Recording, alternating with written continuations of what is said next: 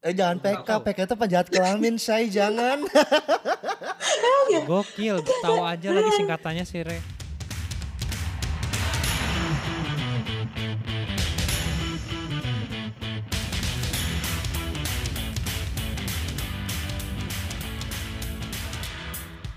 Welcome to First Life Podcast. Episode 3 ini ya. Wow, episode 3 dahsyat sekali dan hari ini kita mau ngomongin tentang unconditional love.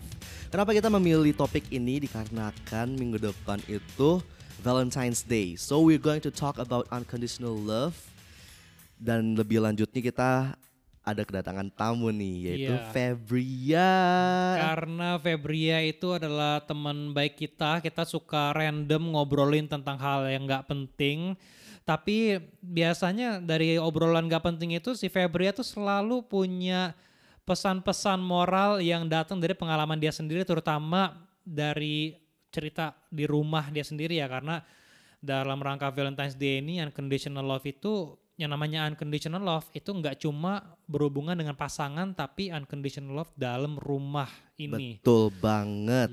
Jadi Febri itu punya pun- punya sharing yang cukup keren sih yang untuk kita bahas kali ini. Iya. Dan Febria ini dia adalah seorang lulusan psychology dan sekarang dia kerja di multinational company bersama Darius. Jadi mereka berdua tuh kolik ya. Dan hi Febria, how Halo are you? Hello Darius. Ulala. I'm good. Sehat-sehat and aja. Makasih banget loh udah diundang ke podcast kalian dan menjadi bintang tamu perdana ya. Oh my god, it's it's our pleasure. LDR untuk- padahal yang nggak bisa ketemu loh. Yeah, it's our pleasure to have you here as well. Oh, and by the way, Febria baru ulang tahun kemarin. Happy belated birthday, Febria. Happy birthday. Wow, ke mana aja kemarin? Tetap ya eh, stay safe di rumah aja, nggak ke mana-mana. Karena eh, ngeliat berita-berita kok kayaknya hmm, tetap kondisinya tetap kurang ngenakin kalau kita jalan-jalan keluar juga nggak terlalu bebas. Jadi tetap stay safe di rumah, merayakan dengan keluarga. Paling aman Iya, kirim betul ojol ya. sekali. GoFood bisa, GoShop bisa. Oke, mantap sekali ya. Yang penting sehat-sehat di tahun ini, semakin sukses karirnya dan ya stay happy, stay positive dan lain-lain ya. Feb katanya lulusan psikologi di kuliah mana ya? Universitas Oh, mana sih? universitas ini harus sebutin banget ya. Ada salah satu perguruan tinggi negeri yang diincar oleh seluruh masyarakat Indonesia. Tuh kayaknya gue udah jelas banget tuh ngasih ngasih apa, ngasih pengantarnya ya. Oh, ber- berarti Febri Berarti Febria pinter banget ya orangnya ya, sampai bisa terima di universitas gini. yang benar-benar Hmm, gini, orang-orang gini, incer. Antara pin pinter itu relatif kok. Sebenarnya yang paling berpengaruh itu faktor keberuntungan juga. Lo nggak nggak memungkiri faktor laki itu Oh. berpengaruh. Kalau menurut gue sih, karena kayak Humble banget ya. Ya, ta- iya beneran. Faktor laki itu main peran banget dalam hidup gue. Gue ngerasa sih gitu. Yes, yes, Kayak, yes, ya. yes, yes. Mungkin kalau dalam sisi gue itu mungkin bukan laki, laki ya it is a luck, it is a luck, tapi mungkin ada faktor karma mah kehidupan masa lalu juga. That's what I believe sih ya. But without further ado, Febri ya, kenapa sih apa yang membuat lu memilih jurusan psikologi ini? Apalagi apakah karena apakah karena ada hubungan sama luck? Hmm, eh, enggak sih. Sebenarnya kalau gue bilang gue milih jurusan psikologi daripada teman-teman gue yang masuk ke jurusan ini milih jurusan ini dari awal, gue sebenarnya lebih tepatnya didorong oleh beberapa temen gue. Jadi gini deh, gue ceritain dulu awalnya. Jadi dulu di SMA gue, eh, kita itu punya misi satu angkatan. Cie. Jadi untuk mendapatkan biar kita semua ini seangkatan bisa dapat jurusan yang kita mau di PTN-PTN yang terbaik gitu kan. Kita itu waktu pas pas gue masuk tahunnya gue itu ada namanya jalur undangan gitu untuk masuk ke universitas negeri. Nah, Oh. gue dan teman-teman gue satu angkatan kita share uh, nilai rapot kita dari semester 1 sampai semester 5 itu kita share semua dan kita peringkatin kira-kira posisi kita nih ada di mana nih gitu dan itu dilakuin oleh uh, satu angkatan gue. Gue bangga banget sama angkatan pas SMA gue.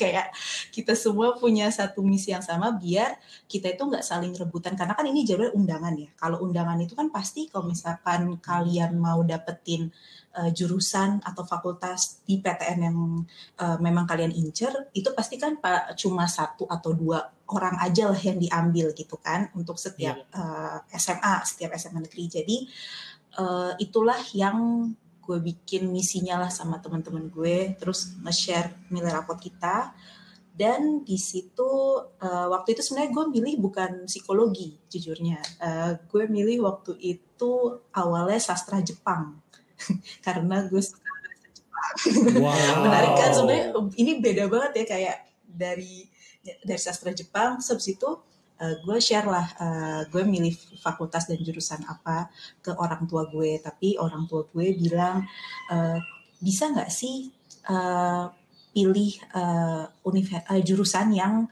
uh, lebih umum lagi kata dia gitu. Kalau sastra Jepang uh, jadi option kedua nggak apa-apa deh gitu kan. Oh gitu. Ya udah deh.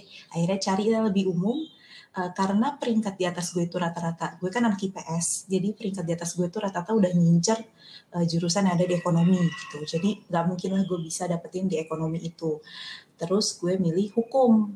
Nah milih hukum tiba-tiba ada dua temen gue dateng ke gue Febri uh, kebetulan peringkat uh, peringkat mereka tuh di bawah di bawah uh, posisi peringkat gue kalau dari nilai rapot itu. Jadi mereka uh, request ke gue memohon ke gue untuk uh, bisa gak gue tidak memilih hukum. Karena kalau gue milih hukum pasti uh, uh, possibility mereka change mereka buat dapat hukum itu bakal kegeser gitu bakal tergantikan karena ada gue gitu. Jadi akhirnya gue lah yang bertanya ke mereka ya udah menurut kalian kira-kira gue ini cocoknya nih jurusan apa ya? Karena gue sendiri pun masih bingung gitu. Gue sebenarnya mau masuk jurusan apa pin kuliah apa gue masih bingung ya tipikal galau-galau anak SMA lah gitu. Jadi Ya waktu itu kita masih umur 17 untuk yeah. disuruh memilih jurusan yang bisa mengubah hidup kita emang gak sulit yeah. ya. Biasanya kita yang dipilihin jurusannya orang tua. Nah, iya kan. Nah, tapi orang tua gue pun tidak tidak apa ya, tidak memilihkan kayak kamu harus masuk ini, kamu harus masuk ini. Itu mereka nggak pernah gitu. Bahkan untuk masuk IPA IPS aja ya terserah gue gitu loh. Terserah juga berdasarkan hasil dulu tuh ada kayak apa kita di screening uh, kira-kira kita lebih cocok IPA atau IPS gitu kan. Nah waktu itu kebetulan hasil IPS ya udah. Jadi hmm. akhirnya gue emang lebih cocoknya IPS sih. Kayaknya IPA juga gue nggak kuat fisika dan kimia gue nggak kuat kayak gitu. Jadi ya udah temen gue tiba-tiba bilang gini, kayaknya lo enak deh Feb jadi orang yang uh, sering kita curhatin. Nah lebih baik kayaknya mending masuk psikologi aja deh. Kayak cocok tuh buat lo jurusan itu gitu kan. Terus ya udah eh gara-gara pada kira lu cocok jadi tempat iya, curhat ya. Iya, sesimpel itu. Ya udah akhirnya gue masuk deh ke psikologi. Terus ternyata keterima gitu kan jalur itu. Jadi ya ya udah. Cuma ada satu teman gue sih yang pas keterima sama ya jurusannya kayak gue psikologi. Dia uh, dia cuma nitip pesan ke gue gini Feb kalau masuk jurusan ini lo jangan kaget ya karena orang di sini tuh unik-unik banget. Dia bilang kayak gitu. Jadi kayak oh iya gitu. Gue sih tadinya ya ya udah masuk psikologi. Oh gue masuk ya ya mungkin ini udah jalan takdir gue gue masuk sini ya udahlah jalanin aja gitu. Udah gitu aja. Simple itu sebenarnya pemilihanku jadi yang menjuruskan gue untuk milih psikologi adalah teman-teman terdekat gue dan karena keadaan teman gue yang terdesak waktu itu gitu deh. Dari yang Febria cerita ya yang gue nangkap itu tuh yang yang benar-benar caught my eye itu adalah lu bil, uh, disclaimer dari temen lu temen lu bilang Febria hati-hati ya orang-orang sini tuh unik-unik. Unik-uniknya kayak gimana sih? Boleh cerita dikit gak? Unik-uniknya ya. Uh, tanpa sebut nama. Jadi tanpa sebut brand ya. Jadi itu uh, memang banyak uh, banyak banget yang apa ya? Karena kita itu mempelajari uh, sikap manusia gitu ya. Istilahnya kita ini belajar psikologi itu sama aja mempelajari psyche kan, jiwa gitu. Jadi mempelajari diri kita sendiri. Jadi tuh banyak anak-anak yang masuk situ atau bahkan kayak dari dosen-dosen aja ngaku gitu kayak ya kita masuk situ belajar di situ itu sebenarnya sambil belajar untuk diri kita sendiri gitu untuk memperbaiki diri kita sendiri gitu kayak ini diri kita nih hmm. uh, maunya ke arah mana sih gitu ya jadi kayak bahasa gimana bahasa gampangnya kayak kita berobat jalan sebenarnya ketika kita masuk ke psikologi gitu Ba- banyak yang kayak gitu Jadi mem- memperbaiki diri dulu gitu ya. dan memang memper mempermudah apa namanya self discovery juga ya jati diri kita tuh sebenarnya kayak gimana. mm-mm. jadi gitu jadi tuh ya, Jadi dituntun ya. mm-mm. jadi memang kalau di psikologi dan ah, pasti akan berbeda banget sama anak-anak dari fakultas lain gitu kalau pokoknya kan biasanya kalau tiap fakultas itu kan punya ciri masing-masing tiap mahasiswanya kayak gimana gitu. Nah kalau psikologi itu emang cirinya adalah orang-orangnya punya pemikiran yang sangat-sangat terbuka gitu ya, yang terbuka tuh suka suka mempelajari hal baru, hal baru, terus kayak uh, kepo sih. Ya bahasa bahasa gampangnya kita kepoan banget sih. Kepoin perasaan orang Nah, lain ah, gitu. kepo banget gitu dan lebih peka gitu. Kalau sekarang nyebutnya bukan peka sih kalau dalam Hmm. KBBI, PK. Tapi aneh banget ya kita nyebut PK, cuma enggak enggak. Oh gitu. Ah, ah, iya. Eh jangan PK, PK itu penjahat kelamin, saya jangan. Gokil, tahu aja lagi singkatannya Soalnya pas terakhir-terakhir gue sebelum lulus tuh dosen gue bilang gini, "Eh, sebenarnya kita tuh ngomong bukan peka, tapi PK seharusnya gitu sesuai KBBI. Tapi gue nggak tahu sih sekarang gimana itu tiba-tiba ngomongin. Oh. Aduh, aduh, gue gue gue pelajari yang slang language-nya lagi bahaya banget. Oke oke. Aduh, Gila, gila. ya emang sih kan psychology eh psychology itu ya kan memang mempelajari tentang eh, orang Hmm. which human itu kompleks banget kan pemikirannya ya. Jadi ya emang bisa dimaklumin ya ketemu banyak orang yang unik-unik ya. Hmm. Pasti along the way ada yang identity crisis Hmm. lah, ada yang apa kayak gitu kita nggak tahu dan ya mengalami puber keberapa kali kita nggak tahu kan bad moods. Iya. Betul. iya, oke. Jadi jadi kalau dirangkum menurut lu waktu di jurusan psikologi pelajaran mana sih yang paling kepake untuk hidup ini? Pelajaran mana yang paling kepake ya? Sebenarnya Iya, kalau apa saja pelajaran yang lu Ah, Oke, kalau kalau kita bilang pelajaran mana yang paling kepakainya, sebenarnya semua pelajaran psikologi itu ju- sejujurnya teori banget. Kayak kalau emang eh, kayak mereka tuh ngasih beberapa topik-topik yang eh, kira-kira eh, misal tentang psikologi pendidikan lah atau misal tentang psikologi klinis dan sebagainya gitu. Cuma eh, menurut gue pelajaran mana yang paling kepake itu kalau di psikologi gue bisa bilang sebenarnya semuanya sih gitu. Dan sometimes jadi gini misal kita punya eh, tahu teori satu teori gitu ya. Nah teori itu eh, kita coba relate sama kehidupan kita iya nggak sih sama nggak sih gitu. Kadang ada yang sama kadang ada yang enggak jadi eh, semua pelajarannya di psikologi menurut gue kepake cuma eh, karena kita pelajarannya itu lebih eh, ada satu pelajaran yang menurut gue itu ngebangun skill gue banget ya. Jadi pelajaran tentang inter interview gitu. Interview itu wawancara ya, sebenarnya wawancara biasa sih.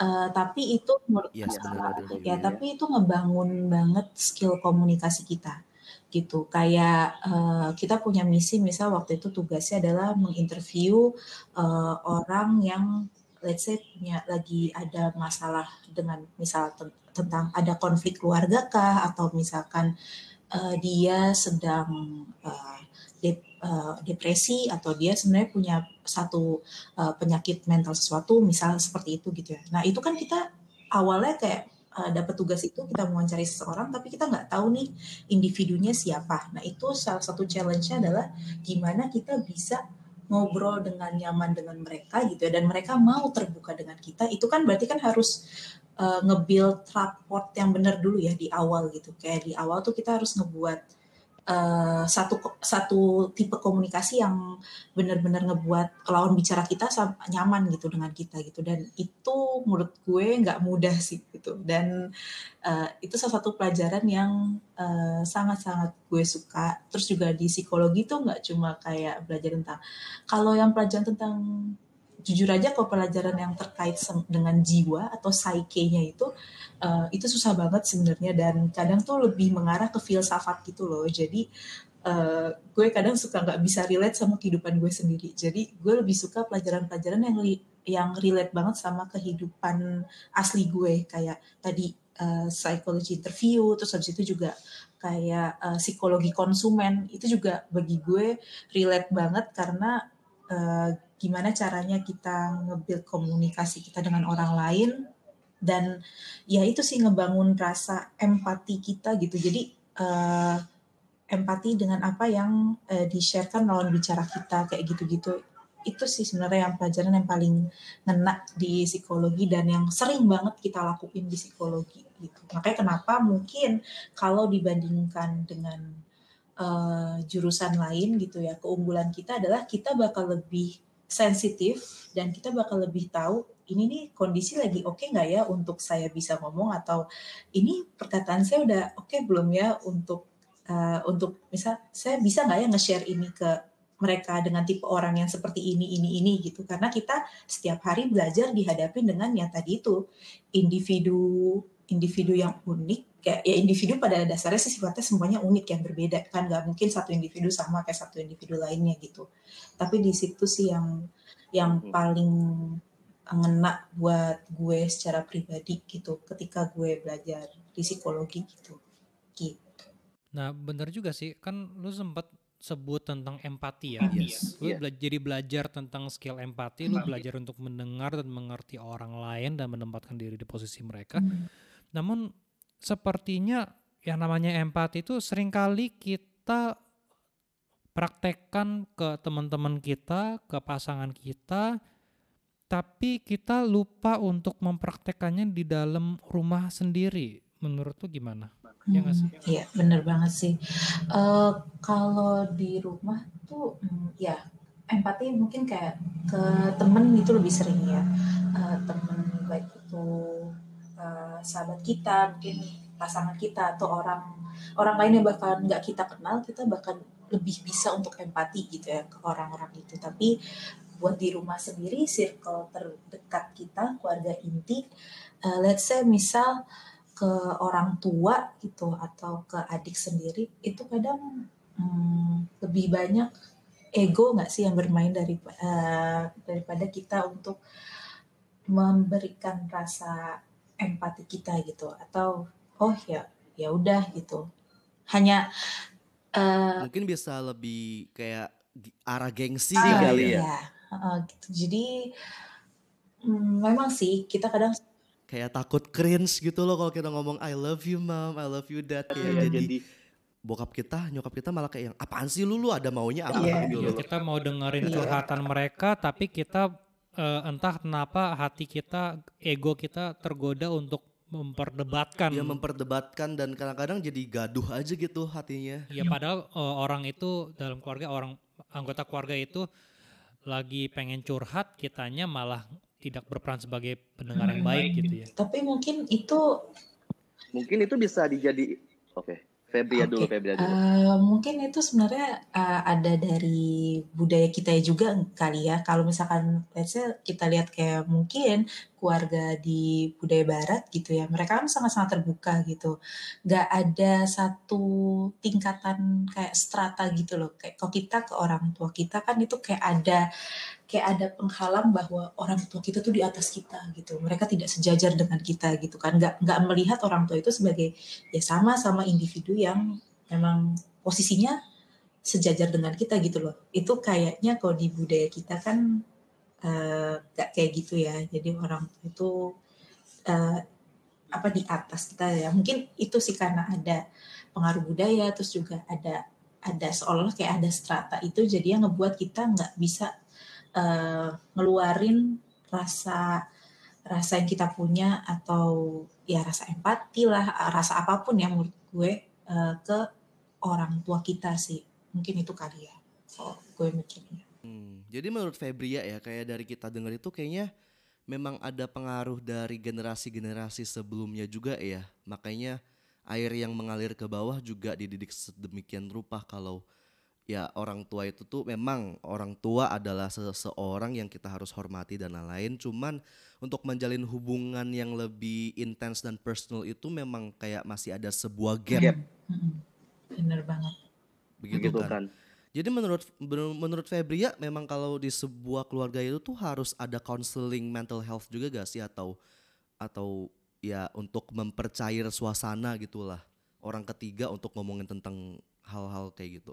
Eh, setiap keluarga itu beda-beda ya. Eh, flow komunikasinya juga beda. Seterbuka apa juga beda ya antara anak dengan orang tua. Kalau kalau dari gue sendiri, gue itu di rumah memang eh, sangat-sangat nggak tahu ya orang tua gue lumayan terbuka sih. Lumayan punya yang pemikiran terbuka dan eh, menerima masukan dari mana aja gitu. Kayak sesimpel kayak waktu itu kayaknya pernah ada topik yang cukup-cukup lumayan sensitif ya ketika pas di Indonesia lagi booming. Terus gue waktu itu juga lagi belajar tentang hal itu. Kebetulan gue masih kuliah yaitu topik tentang let's say LGBT gitu kan nah orang tua gue ini kan sebenarnya Uh, nah, orang tua gue ini kan sebenarnya dia dari eh dari apa ya dari generasi Conservative Iya, terus family. juga generasi dia tuh baby boomer bahkan orang tua gue gitu. Orang tua gue udah tua banget jatuhnya lahiran 80-an. Eh eh, ya eh enggak 59. 59 terlalu 80 50. Nah, jadi eh gue kayak waktu itu kan kayak di berita kan, di berita di mana pun gitu kan. Itu tuh semuanya eh, semuanya pada bertanya ke gue, terutama gue nih anak psikologi gitu. Setuju nggak sih ada ada topik tentang itu gitu kan kayak kalau gue sih ya ya lo nanya gue secara teoritis atau secara dari keyakinan gue dari agama gitu. Gue punya dua jawaban. Gue selalu punya dua jawaban itu. Tapi uh, gue kepo juga sih nih. Uh, gue coba sekali-sekali kayak lagi ngumpul di luar keluarga. Terus gue tanya ke bokap sama nyokap gue. Kebetulan bokap nyokap gue kerja di salah satu kementerian uh, kementerian yang relatif dengan religi kita gitu kan. Jadi uh, ya lo tau lah backgroundnya gimana. dan mungkin mereka dapat di grup WhatsApp-nya bagaimana gitu ya untuk uh, penyebaran terkait berita itu. Nah, Aduh, ya grup kan WhatsApp. WhatsApp ibu-ibu gitu kan. Nah, itu Yoi. nah, Waspada lah coronavirus. Nah, Harus kayak makan gitu-gitu bawang deh. Nah, terus mereka cuma bilang eh eh, apa ya? Gue pertamanya gue ngasih eh, pendapat gue gitu ya. Eh, mereka mereka tadi eh, mereka bilangnya coba dong mama papa pengen denger pendapat kamu kan kamu anak psikologi nih gitu kan. Pas mereka dengar pendapat gue mereka langsung bilang, "Nah, sebenarnya mama papa juga sama." Ya udahlah, nggak usah di bahkan mereka tidak yang seperti menentang seperti kebanyakan orang tua beberapa temen gue yang lain ya yang emang orang tuanya yang kayak wah ini nggak boleh wah ini oke oke aja Eh, eh, oh ini boleh kok ini nggak boleh gitu kan Benar-benar ah, masih iya. totok banget ya jadinya ya. Gak mau Nah, dengar-dengar pendapat nah, orang luar lain. Yang penting mereka paling benar aja gitu. Gitu ya. gitu kan tapi kalau orang tua gue eh, kebetulan tidak seperti itu dan mereka sangat banget dengan pendapat gue itu dengan jawaban gue yang bisa ya kalau secara teoritis gini gini gini mah pak gitu kan oh gitu ya Dev iya tapi kalau secara eh, kita keyakinan belief agama kita kan harus hidup berpasang-pasangan kayak gitu ya Eh, aku kurang setuju dan sebagainya jadi penyampaiannya jadi lebih enak dan ketika orang tua gue Hmm, Ah, dari dua jadi ketika orang ya. tua gue nge-share ke temen-temennya gitu ya, dia juga nggak terlalu mikirin tuh yang misal eh, berita-berita yang dari WhatsApp grupnya mereka gitu ya, itu nggak terlalu didengerin lah sama mereka. Jadi jadi itu bukan suatu hal yang kayak kekhawatiran banget gitu loh, Eh, kayak oh takutnya nanti anak saya hmm, gimana-gimana gitu, enggak sih kalau dari mereka kayak gitu. Jadi eh, dari situlah gue tahu, gue paham oh orang tua gue emang tipikal yang terbuka open minded banget ya ternyata kayak gitu dan bisa nerima. Kayaknya menurut lu menurut lu apakah itu defin, salah satu definisi dari unconditional love? Jadi apa pun pendapat lu, siapa pun diri lu, orang tua lu tetap menerima lu apa adanya gitu. Apakah itu yang bisa dibilang unconditional love? Iya, itu bisa jadi salah satu bentuk ya, bentuk dari unconditional love sih menurut gue karena eh, kalau menurut gue unconditional love itu adalah ketika eh, lo bisa memberikan eh, apa pun yang bisa lo berikan kepada orang lain dengan ikhlas gitu ya. Dengan ikhlas tuh jadi emang ya udah tanpa harus eh, pamrih atau mengharapkan sesuatu dari mereka tapi lo bisa bisa memberikan memberikan apa yang lo sebisa lo ke orang itu akhirnya buat orang itu nyaman kitanya juga nyaman. Udah sesimpel itu sih sebenarnya gitu. Cuma buat praktekinnya emang sulit sih. Kalau kalau kita nggak bisa apa ya kan? Kalau kita misalkan nggak bisa memberikan itu dengan ya itu ya kata ikhlasnya mungkin ya. Uh, ikhlas tuh uh, bener-bener tanpa tanpa beban tanpa ada tanpa ada pikiran apa pun sebelumnya ya udah memberi aja gitu. Mem sesimpel kata dan tidak mengharapkan kalau orang itu sesuai dengan ekspektasi ya, kita benar. ya. Bisa juga kayak unconditional love ya uh, kalau misal sama pasangan kalau sama pasangan ya kalau definisi gue berarti kita bisa menyayangi orang itu uh, yang menyayangi orang itu dengan ikhlas gitu. Bagi gue kata sayang itu lebih tinggi daripada kata cinta.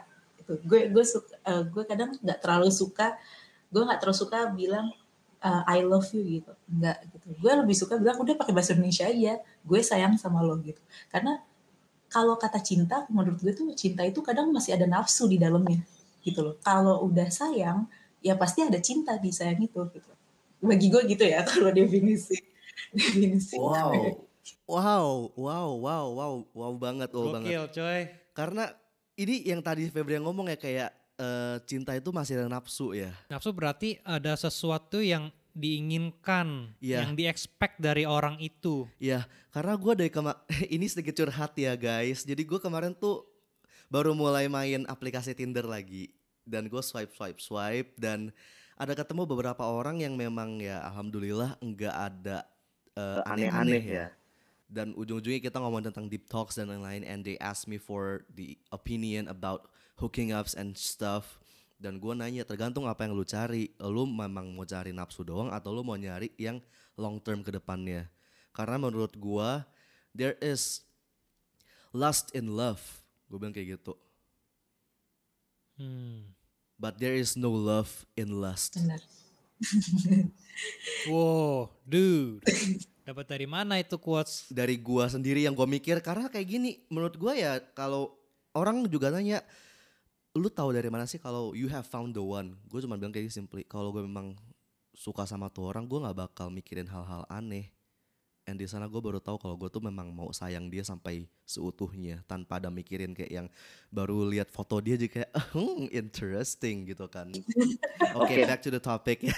Ini intermezzo dikit karena memang relate banget yang tadi apa Febri yang ngomong dan oh my god, dude, that's a very nice one. Jadi sekarang hubungan Febria dan keluarga adem ayem. Kalau sekarang sih udah lebih baik ya. Kalau gue nggak pernah bisa bilang bahwa keluarga keluarga gue gue dan keluarga gue hubungannya uh, baik-baik aja gitu fine aja enggak. Tapi gue selalu bilang untuk saat ini sudah lebih baik daripada sebelumnya kayak gitu. Jadi uh, oh jadi memang sebelumnya ada ya struggle-nya juga ya? mungkin enggak. Yang yang namanya kita apalagi keluarga ya keluarga itu kan orang-orang inti yang ada di rumah yang ketemu sama kita tiap hari yang hmm. emang ngurusin ngedidik kita dari kecil gitu kan itu orang tua gitu. Jadi pasti ada ada konfliknya pasti. Konflik mah nggak mungkin terhindari lah setiap hari juga pasti ada konflik.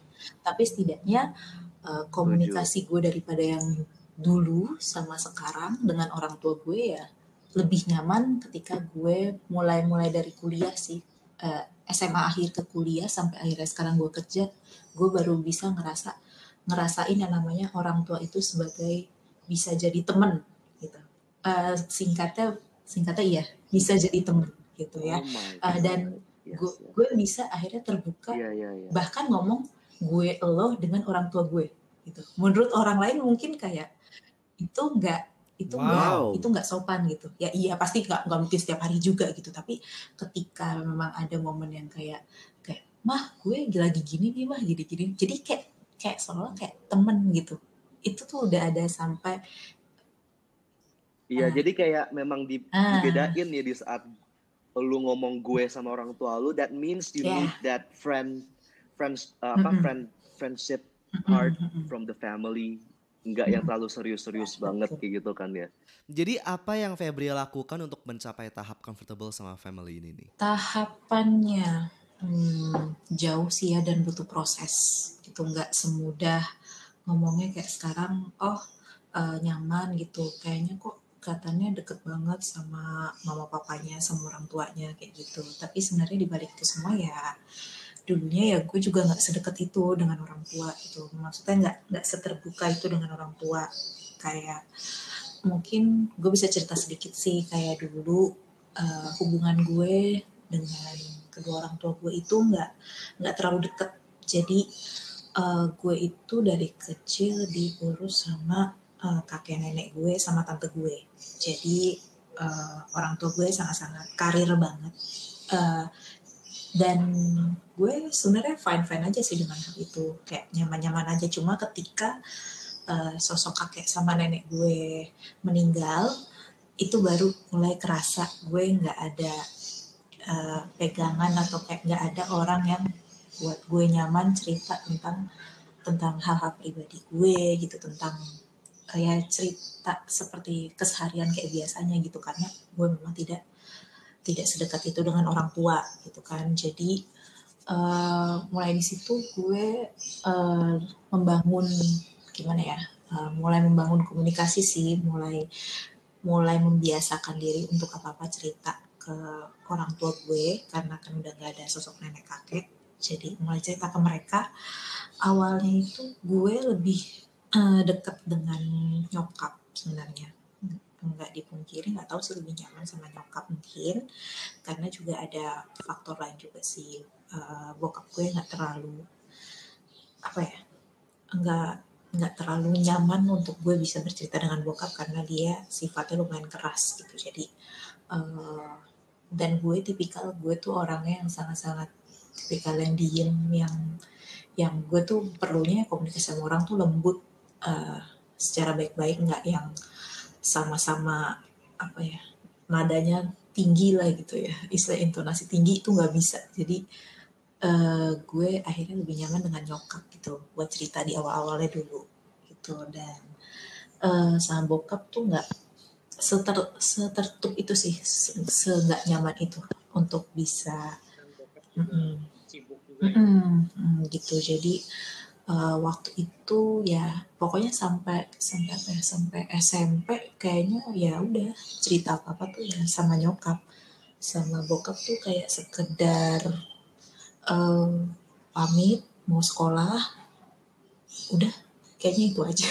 Maksudnya bener-bener kayak gitu aja gitu komunikasi gue sama bokap gitu. Nah tapi akhirnya uh, ini juga sebenarnya dari bokap gue sendiri sih yang berubah yang akhirnya membuat gue pun menjadi nyaman dengan dia gitu. Jadi kalau kata nyokap sih nyokap sih ngebocorin uh, bokap gue tuh ikut seminar gitu lah seminar anak gitulah di kantornya. Dan dari situ uh, beliau mulai merubah sifatnya beliau yang keras itu gitu. Untuk lebih bisa. Mungkin beliau ingin kali ya dekat dengan anaknya. Ya iyalah siapa sih orang tua yang nggak mau bisa lebih dekat dengan anaknya gitu kan? Ya mungkin bokap gue kayak punya kemauan punya keinginan untuk berubah. Dan dari situ barulah gue sama bokap itu komunikasinya mulai mulai ada lah mulai ada sedikit sedikit dan di situ juga gue mulai ngerasa oh kayaknya gue emang perlu perlu satu cara khusus ya mungkin untuk bisa nyaman dengan bokap dan mulai mulai apa ya mulai pengen mempelajari sebenarnya kenapa sih bokap tuh bisa dulunya seperti itu gitu loh. Sifat keras itu bisa sebegitunya gitu. Itu yang menjadi tanda tanya buat gue gitu. Dan tanda tanya itulah akhirnya udah seiring berjalannya waktu itu udah ke resolve dan itulah yang hasilnya akhirnya sekarang terlihatnya sekarang gitu. Sebenarnya nggak semudah itu kan untuk untuk nyari jawaban dari question lo selama ini gitu loh kayak gitu. Hmm. ada ada kisah di masa lalu nggak yang lo inget sampai sekarang tentang sifat keras bokap? Apakah ada perselisihan karena sifat itu? Apakah pernah ada perkelahian yang bikin lu dendam kah sama bokap karena perbedaan sifat ini gitu. Jadi adakah cerita kayak gitu?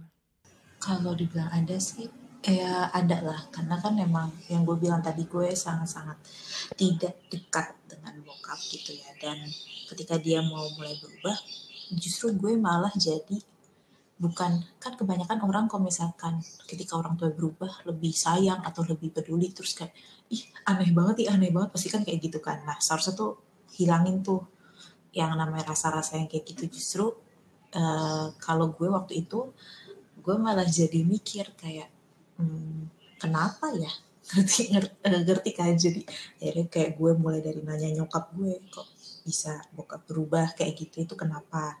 Itu gue pertama tuh mulai dari situ dulu uh, nanya ke nyokap orang terdekat kan maksudnya pasangannya papa gitu. Terus habis itu juga gue mulai uh, mulai menyadari satu hal yang satu hal yang menurut gue ini kayak bisa jadi uh, jadi jawaban menuju pertanyaan gue selama ini tentang beliau gitu. Karena uh, jujur aja selama dari kecil gue itu taunya kenal kakek nenek itu cuma dari nyokap. Jadi gue nggak tahu. Hmm. gue nggak tahu namanya kakek nenek bokap tuh gue nggak tahu sama sekali. Nah dan dari situ juga gue baru enggak oh gue tuh berbeda ya dengan keluarga lain. Di mana ke keluarga lain let's say kalau lebaran pasti pulang kampung kan itu kan yang di yang dilakuin gitu oleh iya. keluarga lain. Nah kalau keluarga gue lebaran itu yang penting nginep di villa sama hotel yang enak udah gitu doang. jadi jadi sama sekali nggak ada budaya pulang kampung gitu lah. Nah dari situlah gue pas SMA kebetulan untungnya ya untungnya gue itu uh, selama gue kan gue bilang uh, signifikan ada yang paling berpengaruh sama gue tuh teman ya. Selama gue uh, gue bersekolah gitu uh, ketemu teman-temannya itu circle pertemanan gue itu tipikal yang uh, keluarganya harmonis banget yang ideal semuanya dan yang positif banget. Itulah yang kenapa mungkin ngebuat gue jadinya bukan ngerasa kayak dulu dikerasin sama bokap terus gue jadi ngerasa wah gue balas balik deh gue nggak bakal deh mau sama bokap gue gini gini gini dan sebagainya. Bukan itu. Jadi gue lebih kepada pingin cari tahu aja kok bisa sih dia kayak gitu dulu gitu loh. Malah jadi jadi jadi ke arah yang berbeda gitu kalau gue ngelihatnya terus kayak gue mulai tanya-tanya lah sama dia. Kan dia udah mulai bisa nih diajak komunikasi.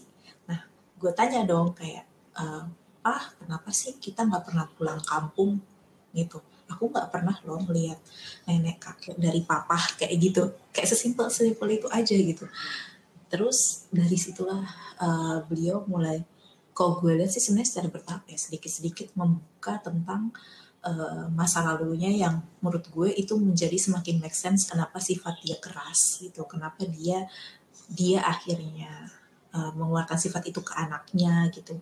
Itu yang uh, ngebuat gue sadar oh ternyata dia bersikap seperti itu ya karena memang ada alasannya gitu ada ada ada satu reason yang membuat dia mengeluarkan sikap itu sebenarnya bisa tidak mengeluarkan sikap itu tapi karena dulunya seperti diperlakukan seperti itu akhirnya menurun ke dia gitu loh. Dan ya memang sih maksudnya kalau di hidup kita itu uh, karena bokap gue itu ngerantau ngerantau dari zaman SMP ya udah nggak ada sosok orang tua ke, uh, dari dari dia SMP yaitu ketika masa remaja remaja itu kan masa pencarian jati diri banget kan kayak gue siapa sih nih gitu kan nah itu nggak ada tuh yang namanya sosok uh, yang bisa ngarahin atau mungkin yang jadi panutan dia dan dia mencari sosok itu sendiri gitu dan akhirnya ya sikap kerasnya itu menurunlah sampai dengan dia dewasa dan itu jadi pertahanan dirinya dia sih cara dia untuk bertahan diri gitu sih jadi memang itu adalah defense mechanism dari papanya Febri ya sendiri ya. Benar. Dan sebenarnya kalau kalau dari situ uh, gue ngerasa mal, malah jadi oh ya udah berarti kayaknya mungkin gue nih yang harus merubah sedikit cara komunikasi gue untuk dia gitu. Ketika berarti gue kalau misal komunikasi sama dia harus agak sedikit berbeda nih kayak gitu sih jadinya. Ya prosesnya panjang banget sebenarnya kalau diceritain dalam satu podcast nggak mungkin bisa uh, tapi uh, intinya gimana kitanya ngelihat satu kondisi atau situasi yang memang dihadapi nama kita sih gitu. Kalau gue ngeliatnya selalu apa pun itu ke hal yang positif. Kayak gue apa ya emang di pikiran gue tuh selalu semuanya itu lo harus punya positif mindset tuh itu perlu banget. Apa pun itu jangan jangan ngelihatnya dari uh, negatif negatifnya terus kayak sisi yang sisi yang benar-benar buruknya terus gitu ya. Cobalah sekali-sekali lo lihat sisi positifnya apa atau lihat perspektif lainnya lah lihat pandangan yang lainnya gimana gitu. Mungkin lo akan menemukan hal yang menarik sebenarnya ketika lo bisa iya, ngelihat. ya, supaya nggak dendam ya. Mm -hmm. ya jadi bukan lebih kayak pembahasan kayak oh bokap gue keras berarti gue juga harus jadi orang yang keras sama dia atau apa. Bukan kayak gitu tapi lebih ke lo bisa nggak untuk cari tahu kenapa sih dia bisa kayak gitu gitu. Jadi kalau gue lebih lebih itu ya kayak kepo kepo buat nyari tahu justru. Dan dari situ jadi bisa dapet jawaban yang kita bisa nerima apa pun dia gimana dulu. Yang penting kan sekarangnya dia udah mulai mau berubah itu kan sebenarnya. Gitu walaupun berubahnya juga pelan-pelan ya nggak nggak yang tiba-tiba buka gue tiba-tiba langsung baik langsung nice enggak nggak kayak gitu juga gitu. Kayak harus harus ada iya. ya dalam beberapa tahun lah yang gue lewatin gitu. Jadi bisa dibilang waktu kuliah kan lu sempet mempelajari interview psikologi ya alias melatih skill empati lu supaya lebih mengerti background orang dan alasan kenapa mereka bersifat seperti sifat mereka sekarang. Bisa dibilang skill empati yang lu dapatkan di kuliah itu lu praktekkan untuk mengenal bokap lebih lanjut dan mempelajari alasan kenapa dia seperti itu iya, gitu ya. banget. Itu sih yang karena ya itu ya uh, mungkin untuk dede-dede yang sekarang lagi pada kuliah sebenarnya semua ilmu itu baik kok, semua teori-teori yang ada itu baik. Baik atau enggaknya sebenarnya bisa dirasain ya kalau kita mulai ngeaplikasiinnya itu di dalam kehidupan kita gitu loh. Kadang kita cuma ngelihat uh, misal satu pengertian tapi kita nggak mau praktekin itu gitu cuma ngeliat aja kayak oh asal sekedar tahu oh iya gitu tapi nggak nggak mau praktekin karena sebenarnya di realitanya praktekin itu tuh susah banget nggak sih gitu. Maksudnya ya kalau gue nih ngomong sekarang mungkin kayak ya kakak mah gampang gini gini, gini. tapi sebenarnya nggak juga gitu. Semuanya tuh uh, butuh apa ya butuh butuh keberanian butuh butuh juga tekad kita juga kitanya mau mau tahu atau enggak gitu kan. Mau mau pingin uh, dapat sesuatu hal yang baru juga atau enggak ya gitu sih jadi banyak banget sebenarnya hal-hal yang tadinya uh, dipelajari di lingkungan kayak sekedar cuma teori-teori tapi emang gue praktekin langsung dan ternyata make sense gitu maksudnya benar-benar bisa kok hmm, sesuai dengan apa yang kita mau gitu. Hmm, oke. Okay. Jadi memang quotes yang di luar sana yang katanya tak kenal maka tak sayang itu benar-benar Iya, benar ada banget. ya. Itu ada banget sih. Iya, dan memang dan memang itu juga harus mutual. Di saat gua mau mengenal orang tua kita, orang tua kita juga harus ada kemauan untuk mengenal anaknya lebih dalam, baru ada mutual understanding dan komunikasi jadi bisa lebih lancar. Dan harus gitu saling ya. terbuka ya. Saling terbuka juga ya. Ini menurut gue sih ini ngena banget bagian hmm. ini karena kan yang namanya melepaskan rasa sakit, melepaskan menutupi ya lebih tepatnya menutupi luka masa lalu itu nggak semudah itu. Sedangkan dengan empati kita mengenal lebih dalam alasannya, kita jadi bisa melepas rasa sakit dan dendam itu karena kita udah tahu oh jadi dia sifatnya keras karena ini. Jadi kita ada alasan untuk forgive juga dan iya. respect decision dia waktu itu. Iya, pada biasanya ketika kita berpikiran negatif, kita menyimpan dendam atas apa yang dia lakukan ke kita tanpa mengenal alasan kenapa dia berperilaku seperti itu. Mm -mm. Jadi memang nggak bisa didengar dari dilihat dari yeah. dari satu sudut pandang aja. Iya, yeah, jadi untuk bisa let go perlu empati gitu ya. Dan apakah ini juga bisa dibilang ya ini adalah unconditional love gitu? Uh, jadi memang ini sebenarnya salah satu ya contoh juga ya dari unconditional love gitu. Ketika gue pengen tahu kenapa sih uh, gue bisa seperti itu gitu. Mencoba memahami dari sudut pandangnya dia terus juga mulai ngebuild ngebangun hubungan yang baik dengan dia gitu. Karena uh, setelah gue tahu kisah bokap gue, gue semakin mengenal dia, terus juga semakin lebih uh, respect ya, respect terhadap apa yang memang uh, dia hadapi saat itu. Mungkin nggak lebih mudah dari gue dan karena memang beliau kehilangan sosok yang bisa mengarahkan ketika waktu itu dan saat ini gue sebagai anak malah jadi pingin menggantikan uh, bukan menggantikan tapi setidaknya dapat memberikan uh, rasa peduli gue, rasa sayang gue ke beliau gitu sebagai orang tua gue gitu sih. Jadi kayak udahlah yang lalu mah biarin aja memang dulu uh, beliau punya sifat yang keras ya. Itu sebagai bentuk pertahanan diri beliau dan gue menghargai itu.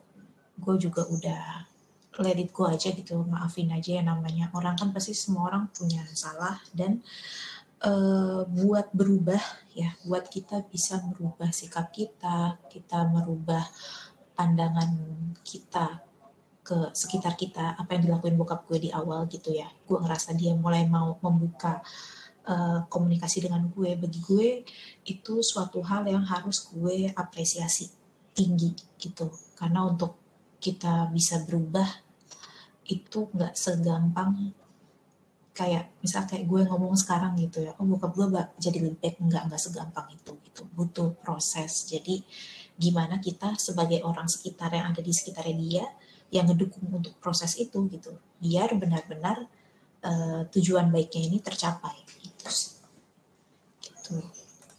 Walau. Memang benar-benar prosesnya panjang ya dan butuh banget banyak kesabaran dari yang gue denger sih. Like gue juga empath so I can pretty relate like what you have been through is not that easy. Dan gue sendiri juga uh, mengalami mengalami itu. Dan jujur emang bener sih yang Febri yang ngomongin. Kalau kita ngomong lebih gampang daripada kita aplikasiin. Dan satu itu tuh adalah mungkin gengsi kita juga kali ya. Yang kita masih susah untuk lepaskan ya susah untuk lunakin, lunakin hati untuk mengenal orang tua kita lebih dalam. Topik ini deep banget. Gengsi itu bisa menutup telinga kita loh. Ya, kita gengsi. jadi nggak mau dengerin kisah orang kalau kita gengsi sendiri ya. Iya. Iya. Kayak gitu. Dan kadang-kadang memang kita ada kemauannya, ada tekad dan lain-lain. Cuman pas saat ngelakuin overthink dan gue jadi mundur. Jadi kayak ah nantilah kayak I'm not ready for this, I'm not ready for this. Dan mungkin Febria bisa share gak kira-kira berapa lama sih untuk mencapai uh, tahap lu mau ngelakuin itu dan proses healing dia dari diri sendiri ya dan lain-lain itu. Uh, kalau dibilang berapa lamanya, jujur aja sebenarnya gue nggak terlalu nggak um, terlalu merhatiin ya sebenarnya selama ini seberapa lama gue bisa gimana akhirnya gue ngelihat uh, komunikasi gue dengan bokap tuh akhirnya seterbuka itu gitu. Tapi awal-awalnya ya itu yang gue bilang gue mencoba untuk ya bokap gue aja mau berubah. Kenapa gue juga tidak berubah untuk diri gue sendiri? Dulu kan gue orangnya tertutup banget. Gue tuh pendiam banget. Gue nggak bisa uh, semudah itu mengutarakan apa yang gue rasain ke orang lain. Nah pas SMA ya pas SMA kayak pas masuk SMA itu kan mulai masuk ke remaja akhir ya uh, gue 17 tahun lah istilahnya gitu. Dan di momen 17 tahun itu memang gue punya satu misi. Satu misinya adalah gue nggak mau deh jadi terkenal jadi sosok Febria yang pendiam lagi gitu. Itu sih yang jadi satu misi gue ketika gue memasuki usia 17 tahun.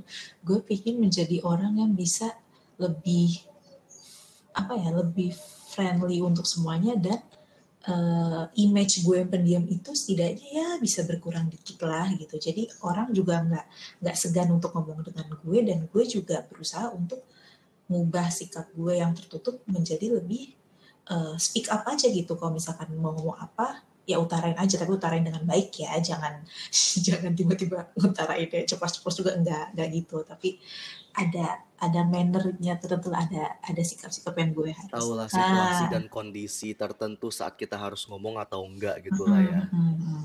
jadi kayak dari situ uh, ya udah gue mulai ya coba lah kan tadi kan komunikasi apa apa sama nyokap cerita cerita sesuatu yang mungkin kesannya uh, pribadi banget nih private things banget buat gue sama nyokap gitu kan tapi ternyata setelah gue buka ke bokap wah bokap tuh care juga loh ternyata gitu. Walaupun gue uh, misal uh, tentang hal pribadi tentang perempuan gitu kan kayak uh, yang private things gue ternyata ketika gue share itu ke bokap oh bisa juga kok. Dan malah jadi kayak dapet uh, nasihat-nasihat yang uh, lebih lebih apa ya lebih menarik ya menurut gue. Karena kan beliau cowok gitu gue cewek. Jadi kok ada yang private things di cewek gue jadi tahu dari sisi oh kalau perspektifnya cowok tuh kayak gini toh ngelihat ngelihat satu hal ini kayak gitu. Jadi itu yang akhirnya membuat gue uh, nyaman gitu kan. Mulai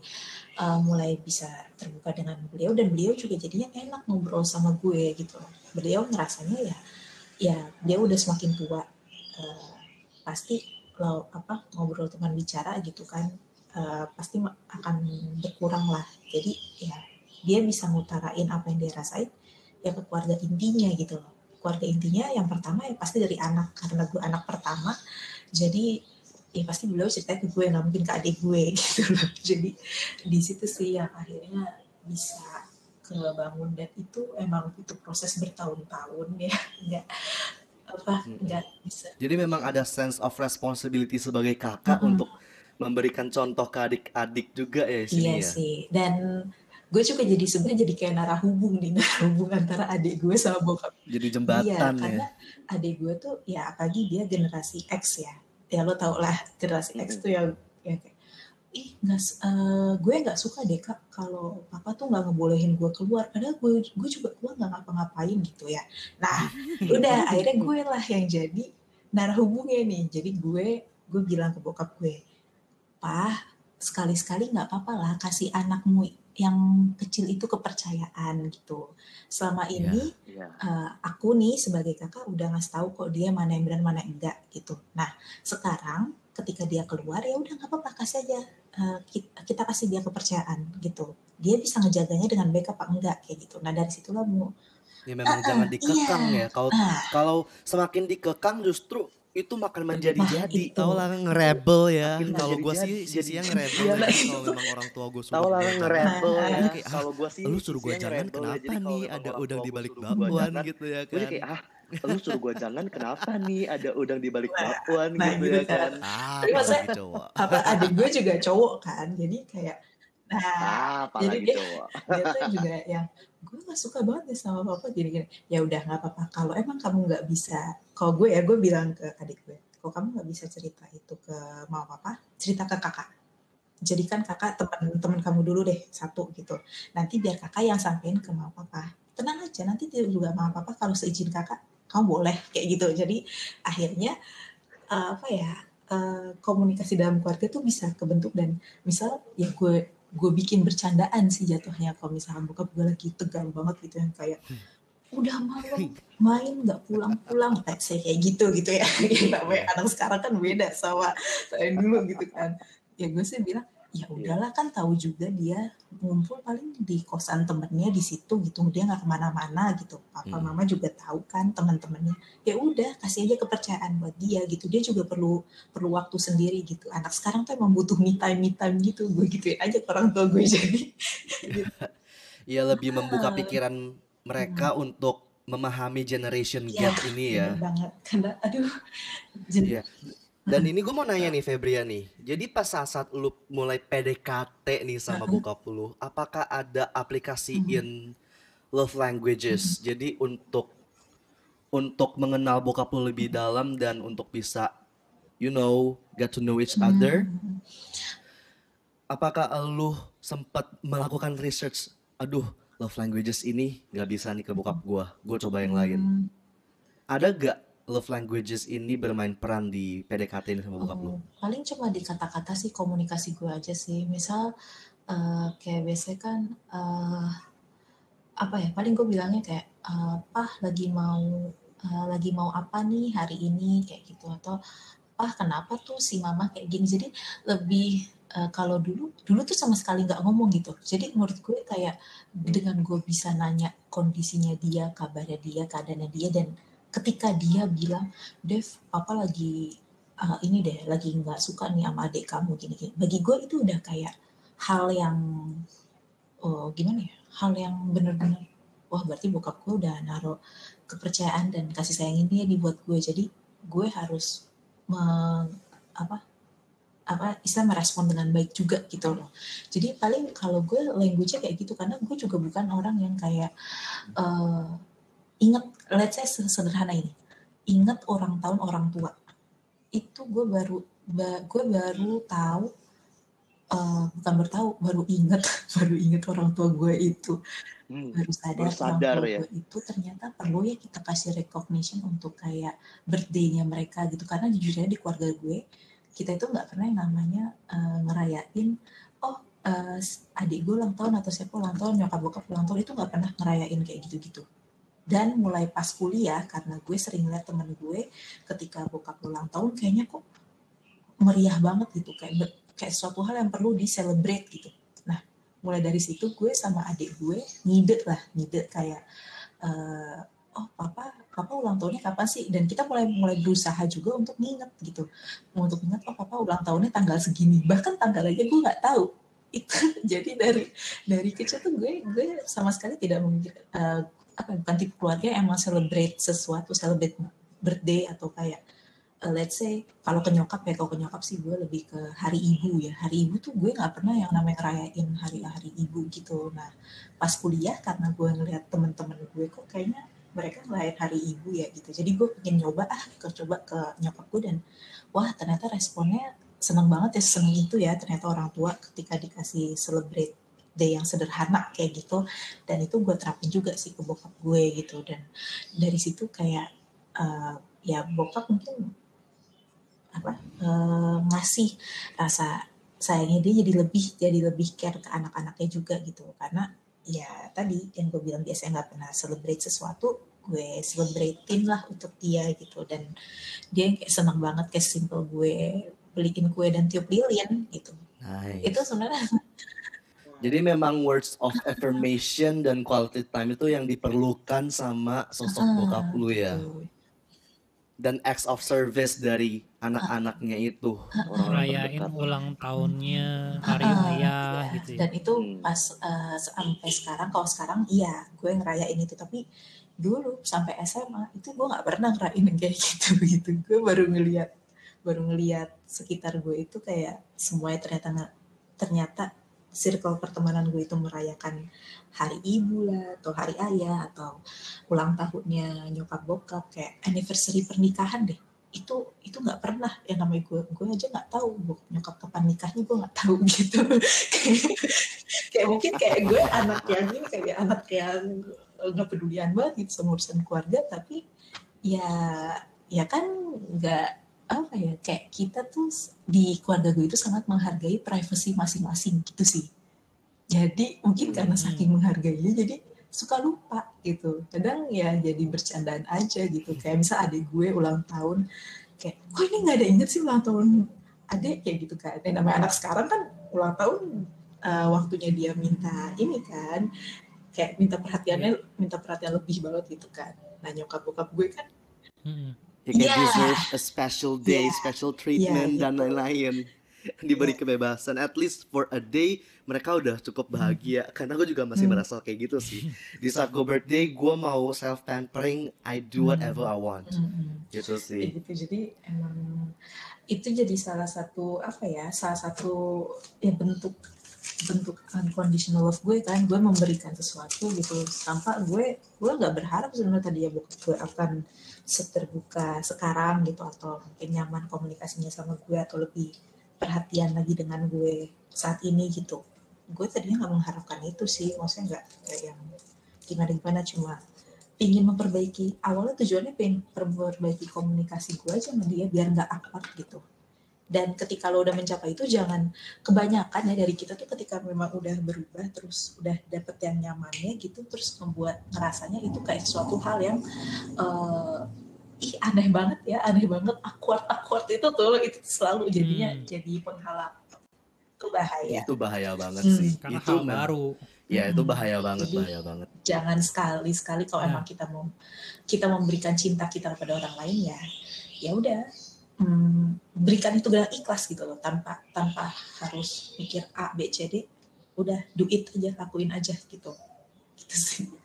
Dan semua bahasa kasih yang lu praktekkan untuk ayah lu uh, quality time, words of affirmation, acts of service, itu semua lu lakukan tanpa mengharapkan apa pun dari dia kan, tanpa mengharapkan imbalan alias pamrih. Karena lu secara ikhlas ingin memperbaiki hubungannya, secara sepenuh hati ingin dia seneng di hari-hari spesial itu, ingin dia punya tempat curhat gitu kan, ingin dia uh, ngobrol sama lu supaya dia melepaskan tekanannya gitu kan. Dan mungkin kalau bisa kita recap, unconditional love itu nggak selalu sesuatu yang kita terima dari orang tua atau pasangan. Tapi itu adalah sesuatu yang kita berikan ke orang-orang terkasih tanpa mengharapkan imbalan apa pun. Gitu kali ya. Yes. Dan mungkin gue nambahin sedikit kali ya kalau kalau misalkan lebih ke orang tua itu kadang kita tuh kalau mau memberikan sesuatu gak tau sih gue ngerasanya sih itu masih ada masih ada uh, kata imbalan sih karena kayak uh, sesederhana. Misal gue ingin ngeberangkatin haji orang tua gue gitu. Karena dulu dia udah merawat gue udah udah biayain gue sekolah kayak gitu gitu kan. Nah itu kan kayak gue ngerasanya itu masih belum tulus sih. Kalau misalkan emang lu tulus mau bukan tulis ya lu bener-bener ikhlas mau ngasih itu tanpa lu mikir dulu gitu. Tanpa yang kayak uh, oh dia udah ngurusin gue oh dia udah ngebiayain hidup gue selama ini gitu. Itu kan masih ada alasan. Jadi ketika emang lo ikhlas ya lo ngeberi aja gitu. Tanpa tanpa ada alasan malah tanpa ada alasan tanpa, tanpa alasan. harus ada imbalan tertentu gitu. Gitu sih. Dan kita juga jadi dari yang gue tangkap itu sorry gue potong ya. Jadi unconditional love yang dimaksud itu hmm. adalah balas budi. Is it the same thing? Uh, kalau menurut gue enggak, beda banget. Kalau beda, kalau ya? unconditional love itu kita nggak akan tahu. Uh, jadi gini, kita kan memberi nih, memberinya kan tanpa alasan. Jadi sebenarnya kita tuh nggak bakal tahu apa yang akan kita dapatkan responnya. Atau misal uh, apa yang kita dapatkannya itu maksudnya kayak kita tuh nggak kebayang ketika kita memberikan satu hal ini kira-kira uh, kita akan mendapatkan apa gitu. Gitu maksudnya uh, apakah emang jadi good atau jadi bad gitu. Itu kita nggak tahu tadinya gitu loh. Bagi gue hmm. itu itu unconditional love gitu. Jadi ya udah lo ngeberi aja ikhlas dan nggak harus uh, tahu atau berekspektasi terhadap apa nanti yang bisa lo dapetin dari apa yang lo berikan gitu loh. Tapi kalau balas budi, ya balas budi ya berarti kayak tadi yang gue bilang, misal lo pingin ngeberangkatin haji kedua orang tua lo karena uh, lo ngerasa dia udah ngebiayain lo hidup selama ini dan itu itu kemauan dia yang paling tertinggi let's say gitu gitu kan jadi kayak udah jelas aja gitu kayak udah udah tahu kalau misalkan kita ngasih itu kita pasti dapat suatu sesuatu afirma afirmasi ya dari dari orang tua kita gitu. Kayak oh orang tua kita bakal bakal seneng banget bakal bakal bangga banget punya anak kayak gue. Misalnya kayak gitulah istilahnya jadi kalau balas budi itu ada ada pasti ada ya ada attention seeker kind of dan kita juga gitu. merasa gue berbuat baik karena gue punya utang. Uh, gitu kali kalau balas budi ya. ada sesuatu hal yang kayaknya harus gue gue gue balas nih gue gue penuhin gitu istilahnya. Jadi uh, ya itu sih. Kalau gue mau definisikan unconditional love gue itu ya udah gue ikhlas memberi aja. Gue ikhlas menyayangi aja. Tanpa gue harus tahu at the end-nya gue bakal Oke. dapet apa gue nggak bakal tahu sih kayak gimana gitu. Mengalir aja Karena dari apa apa yang kita semua experience ya mungkin, mungkin nggak semua orang ya. Gue masih merasa kayak orang tua orang tua sekarang tuh masih agak sedikit yang ada rasa minta budinya gitu loh. In a sense, kadang-kadang mereka setiap kali kesel sama kita, pasti mereka masih melontarkan, gue udah gedein elu, gue udah gini-giniin elu, udah kasih lu apa-apa. Tapi apa yang gue dapetin dari elu? It- Gitu itu itu sebenarnya terjadi juga kok. Maksudnya orang tua gue itu tidak yang benar-benar terbuka itu gitu. Itu juga wah nyokap gue apalagi. Mohon maaf ya ada ada pengaruh dengan uh, kebudayaan juga Betawi gitu kan. Jadi dia tuh lumayan uh, tipikal yang uh, materialistik banget lah gitu. Dan itu sebenarnya uh, jadi bahan kalau gue jatuhnya gini kalau misalkan dia udah ngomong kayak gitu kayak mama tuh dulu gini gini gini gini gini saya kayak gitu gue dan adik gue ya. langsung bilang ya itu sih zaman mama kok zaman Oki sama uh, Kak Devi kan beda. Misal kayak gitu. Jadi ki- kita, tuh harus bisa apa ya Hmm. harus berani aja sih. Berani juga untuk uh, nguarin ya nge-speak up argumen up kita apa gitu ya? loh. Jadi dia kayak iya sih beda sih. Iya coba sekarang misal gini gini gitu. A- uh, kalau misal permainan kata tuh adik gue yang lebih pinter sebenarnya. Kalau gue sih cuma cuma ini aja. Oh, dia Udah dia suruh jadi lawyer aja ntar. gitu.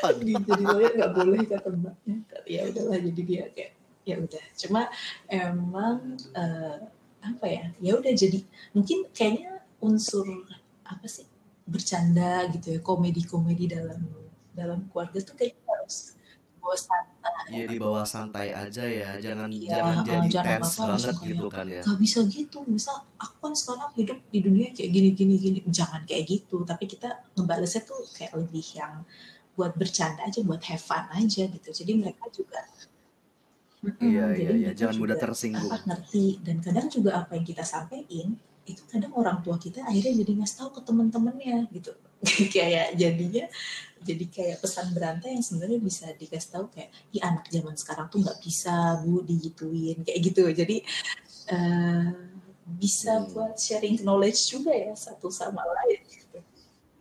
Jadi memang Iya. ujung-ujungnya jadi share awareness juga satu sama lain. Dan semua berawal dari kita ngebales orang tua ya dengan santai aja, dengan lelucon, jangan anggap serius dan kebawa emosi, malah makin nggak didengar gitu kan. Iya. Ntar malah kita dicap sebagai anak yang rese, membangkang, Iya. Kalau gue sih selalu punya cara gini, kalau misalkan gue pengen ngobrol yang benar-benar serius gitu, gue akan kasih bridging dulu di awal. Kayak, ini sekarang eh, Febri lagi pengen ngomongin sesuatu nih, tapi ini serius ya, gini. Jadi eh, mereka akan apa nanggepinnya juga te- eh, tensinya mereka juga akan lebih eh, calm gitu. Jadi mereka bakal tahu gitu. Oh, ini anak gue Hmm. lagi mau ngomong suatu hal yang penting nih. Jadi gue benar-benar harus eh, pasang kuping, mata, telinga semuanya gitu untuk dia gitu kayak kayak gitu. Jadi eh, lebih sering-sering kayak gitu aja sih. Jangan apa-apa tiba-tiba ngucuk-ngucuk datang ke orang tua langsung bilang apa gitu. Iya harus. Harus ada briefingnya tetap ya. Terus juga lihat waktu yang enaknya kapan. Kalau gue sih emang selalu eh, kayak Hmm, situasi me time setiap eh bukan me time kayak family time setiap keluarga itu kan beda-beda kayak misal ada yang di weekend ada yang misal setiap habis makan Hmm. malam atau misal ada yang eh, ketika Hmm. lagi weekdays tapi lagi siang-siang gitu habis makan siang kan ada yang kayak gitu jadi beda-beda lah gitu dilihat nyamannya aja waktunya kapan gitu terus ngomongin baik-baik kayak gitu sih. Oke, ya Fungsinya. tergantung fungsinya ya kapan ngomongnya sama keluarga, waktunya yang setiap keluarga fungsinya beda-beda Iya. gitu aliran C-nya. Beda-beda. Oke, oke, thank you. Jadi kini udah udah ada di penghujung podcast kita. Bisa dibilang kita closing dengan sebuah definisi menurut Febria unconditional love. Jadi menurut Febria dalam satu kalimat apa sih unconditional love? ya ya itu ketika kita menyayangi atau memberikan hal apa pun yang bisa kita berikan dengan ikhlas tanpa mengharapkan imbalan atau tanpa kita tahu hasil akhirnya itu bakal gimana. Itu unconditional. Apa, apa pun yang terjadi, apa pun yang terjadi kita akan tetap, tetap sayang, sayang. tetap berikan. Hmm, Dan kasih kita nggak berubah. Sama halnya ketika kita berbuat baik ya, kita berbuat baik kepada siapa pun di luar sana, kita nggak hmm. expect hmm. hal-hal baik terjadi kepada kita saat itu juga atau enggak kayak simply kita kasih kita menyumbang dan ya udah iya. sumbangan ya, itu udah itu juga sebuah bentuk iya sebuah bentuk love. unconditional love kepada orang-orang luar ya, sana jadi, tanpa kita mau gue mau nyumbang nih untuk gue jadi kaya kayak gitu. Iya, jadi kasih itu tidak ada batasan mau untuk True. manu untuk teman, untuk keluarga, untuk manusia apa pun hmm. kasih itu nggak ada batasan gitu ya. Dan itulah makanya disebut sebagai yeah. unconditional love. Yeah. Apa pun kondisinya, Gila. kasih itu yeah. tetap tidak goyah. Udah Gue juga. Wow, puitis sekali. Oke, tadi kan si Febria ada bilang ya, nih kayak bener, mau bener. kasih quotes Gue tuh ada satu quotes yang uh, jadi uh, Iya. Apa tuh? Ini agak surprise untuk kita Karena juga. Orang, uh, orang ini belum di briefing uh, juga loh sebelum mulai. Uh, ya biasalah. Kan kita kan suka nyari ya quotes quotes bagus di Mbah Google ya. Jadi gue pun tahu tahu tahu orang ini juga dari Mbah Google. Gitu. Tapi emang apa yang dia post di quotesnya dia di Goodreads ya Goodreads deh kalau nggak salah itu post, apa kata-katanya tuh bagi gue kayak hmm. ada satu quotes yang wah kena banget nih gitu ya nah, jadi gini Konsepnya gini. Remember that people are only guests in your story. The same way you are only a guest in their story. So, make the chapters worth reading. Ketika jadi ingat kita itu hanyalah tamu di cerita kita di kehidupan kita ini gitu loh. Kita nih kayak seolah dunia ini adalah ya sebuah panggung di mana kita sebagai pemainnya gitu dan kita hanya tamu di dalam cerita kita. Dan itu pun berlaku untuk orang lain gitu loh. Untuk orang lain itu ya kita juga sebagai tamunya mereka di cerita mereka gitu. Jadi buatlah cerita kita yang udah kita create ini gitu kita sebagai tamu sebagai peran pembantu buatlah cerita kita, cerita mereka itu menjadi satu hal yang benar-benar uh, worth it lah, yang benar-benar berharga untuk nantinya bisa mereka rasakan gitu, mereka mereka rasakan dan mereka baca nantinya gitu, kayak gitu sih. Itu dalam banget. Waduh, Waduh, kena banget. Wow, jadi ke mana pun kita pergi, siapa pun yang kita temui, usahakan pertemuan kita dengan orang itu ya, memberikan ya, kesan yang berarti, kesan mm-hmm. yang indah bagi orang itu. Wow, oh, such a simple wow. quote with a very deep Kita meaning, hanya guys. tamu loh di hidup orang lain, yeah. jadi janganlah jadi jadi orang yang merusak bab cerita orang lain gitu ketika kita masuk ke buku orang, ketika kita masuk ke hidup orang, usahakan kita menjadi tamu yang baik yang membuat chapter dalam hidup orang itu bahagia. Wow. Wah, tepuk tangan ini sih. Wow, gila. Damn. Gila topik hari ini benar-benar pembahasan kita itu Wow, I'm so excited to share it to all of you guys, para pendengar First Life Podcast. Dan ini Febria dan thank you banget Febria udah mau datang ke podcast kita untuk ngobrol-ngobrol dan share pengalaman kamu. Such a very ya, great experience. Gue speechless sekarang. Darius masih speechless dan gue masih speechless dan mencoba untuk ya saling belajar ya gue karena uh, apa yang tadi gue omongin juga itu semua nggak mudah kok dilakuin ya. Harus berani. Kita harus berani. Iya. Harus berani. Intinya harus berani, harus benar-benar kita yang menjadi pencetusnya dan kita yang memulai. Kalau gak ada yang mulai siapa lagi kalau bukan dari diri kita. Daripada kita menunggu ketidakpastian dulu kan dia yang mulai kok dia nggak mulai-mulai kita yang sedih. Yeah. sama kayak hal hubungan shy aduh. Gokil. Aduh jadi curhat. Alright everyone. So I guess we have reached the end of our podcast. The title Unconditional Love. And Happy Valentine's to all of you guys out there. Thank, Thank you, Febri. Gila banget. Thank you banget Febri. Wow. Bisa nih next kita undang Febri untuk membahas topik-topik panas kita lagi. Yoi. Yang pastinya akan-akan seru banget ya nanti ya. Gue masih gemeteran tadi pas Febri yang ngomongin kursnya itu gue merinding, literally gue merinding. Damn. Oke, Alright sip. then. Thank you very much sekali lagi eh, bagi Febri yang udah datang di podcast kita dan semua pendengar yang dengerin episode ini sampai habis.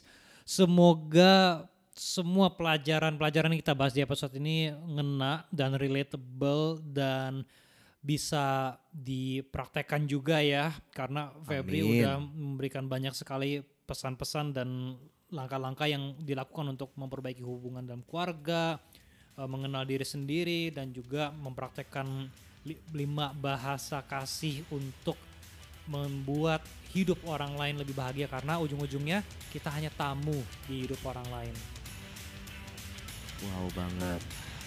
Alright Oke. guys, thank you for listening and be kind to one another. Bye. Bye bye. Bye Febri.